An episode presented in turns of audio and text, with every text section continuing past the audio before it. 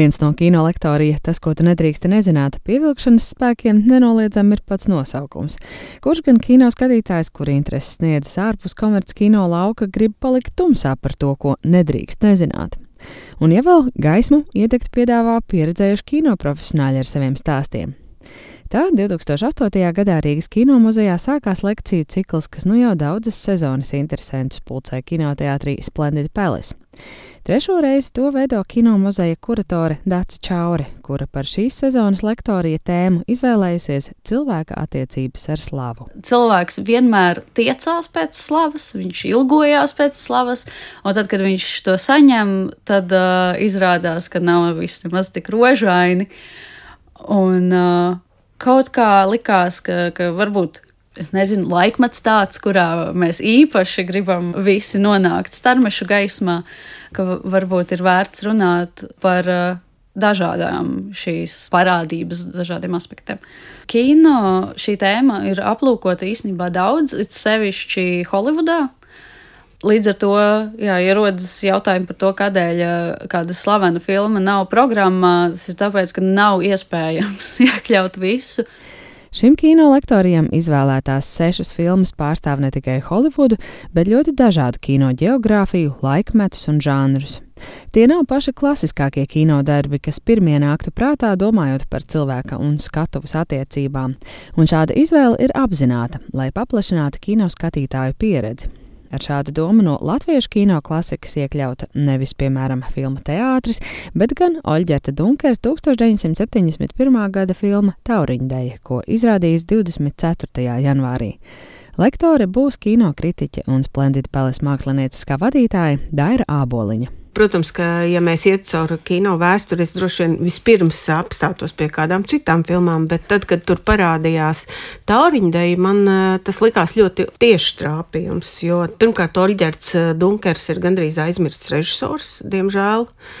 No šī aspekta jau ļoti interesanti atgādināt, eh, ka mums ir Oļģerts Dunkers, kurš, starp citu, veidoja ļoti profesionāls un savā noteiktā intonācijā svarīgas filmas, kādās varbūt nestrādāja citi režisori autorā. Viņam bija tāda kā vientulības tēma, daudz vairāk, kā piemēram Brasla vienmēr bija ļoti pozitīvs. Visā, ko viņš darīja, streičs bija vienmēr ļoti tāds dinamiski, uh, ironisks, un, un Dunkerām bija kaut kas drusku vairāk no tādas. Uh, Vairākās filmās viņam ir tas, ka tur parādās, vai tas cilvēks ir īstajā vietā, par ko viņš melo, kam viņš melo, sev, apkārtējiem.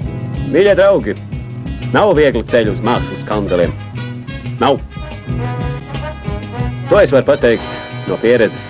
Protams, ka interesants ir tas fakts, ka uh, galveno lomu spēlē Bruno Oja. Viņš uh, savā veidā reflektē šīs filmas sižetā nu, kaut kādā ziņā arī savu dzīvi. Jo viņš tajā brīdī, kad spēlēja Tauriņdejā, bija pazīstams Latvijā kā dziesminieks, kā dziesmu izpildītājs, dziedātājs. Bet viņš ir Igaunijas aktieris. Bet, protams, jā, un dzīvoja to laiku Polijā. Un um, zināja daudzas valodas, un uh, pēc tam viņš bija nofilmējies arī lietuviešu slavenās filmā. Varbūt viņš bija kaut kādā ziņā padomju impērijā, viņš bija tāds zvaigzne ar tādu eiropeisku piesitienu, jā, jo viņš nebija pie tam arī latvietis, un filmā viņš, protams, tēlo latvieti, un viņu ir ieskaņojis Uldis Dumpis. Bet tas veids, kā viņi, es arī drusku paskatījos, kāda veida sarunas ir bijušas dokumentos, fiksēts par šo filmu, un tas, ko viņi ir baidījušies, tas šo filmu arī padara oriģinālu.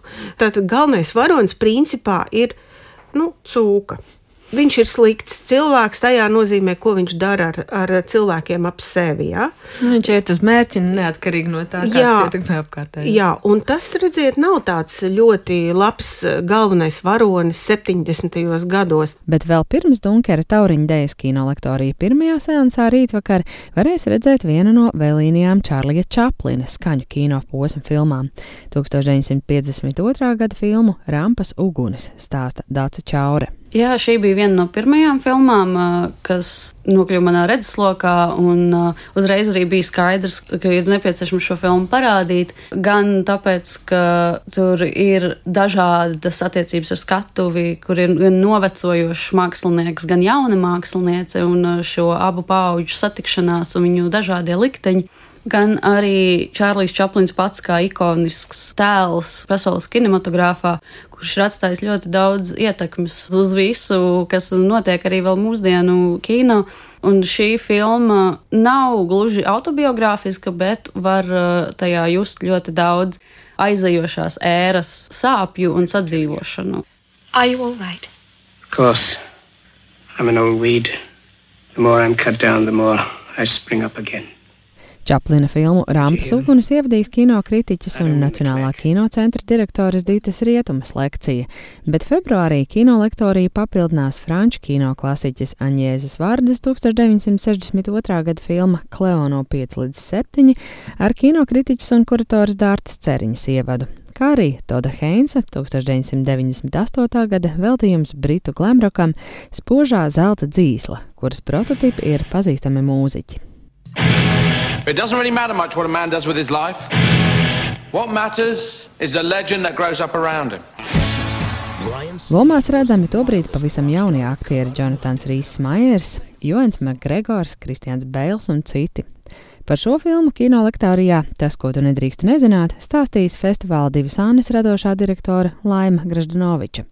Fragments no viņas teiktā Latvijas Rādio 3 raidījumā pie jūras klimats. Kas ir ļoti interesants ar šo filmu, ņemot vērā, cik ļoti liels kaleidoskops ar pieredzēm un mākslinieckām atsaucēm un niansēm tā ir. Protams, ja cilvēki nezina kaut kādu zināmu līmeni ar šiem simboliem un atsaucām, viņi zaudē, bet tajā pašā laikā, ņemot vērā, ka šī filma sākotnēji bija domāta kā Bovija biogrāfiska filma, no kuras pats Bovijas tiešām mērā atteicās, tad šobrīd šis darbs strādā jau pārpasaulīgāk. Ja mēs būtu palikuši palikuši tikai pie Bovija biogrāfiska darba, tad uh, mēs nevarētu varbūt šo darbu paudīt daudz plašākā mērā. Tā kā, ja skatītāji nav tik ļoti labi pazīstami ar Lūru Rīdu, Iggy Popu, Davidu Boviju, viņi tāpatās spēs nolasīt, manuprāt, šīs filmas galvenās tēmas, arī galvenās nu, nozīmes.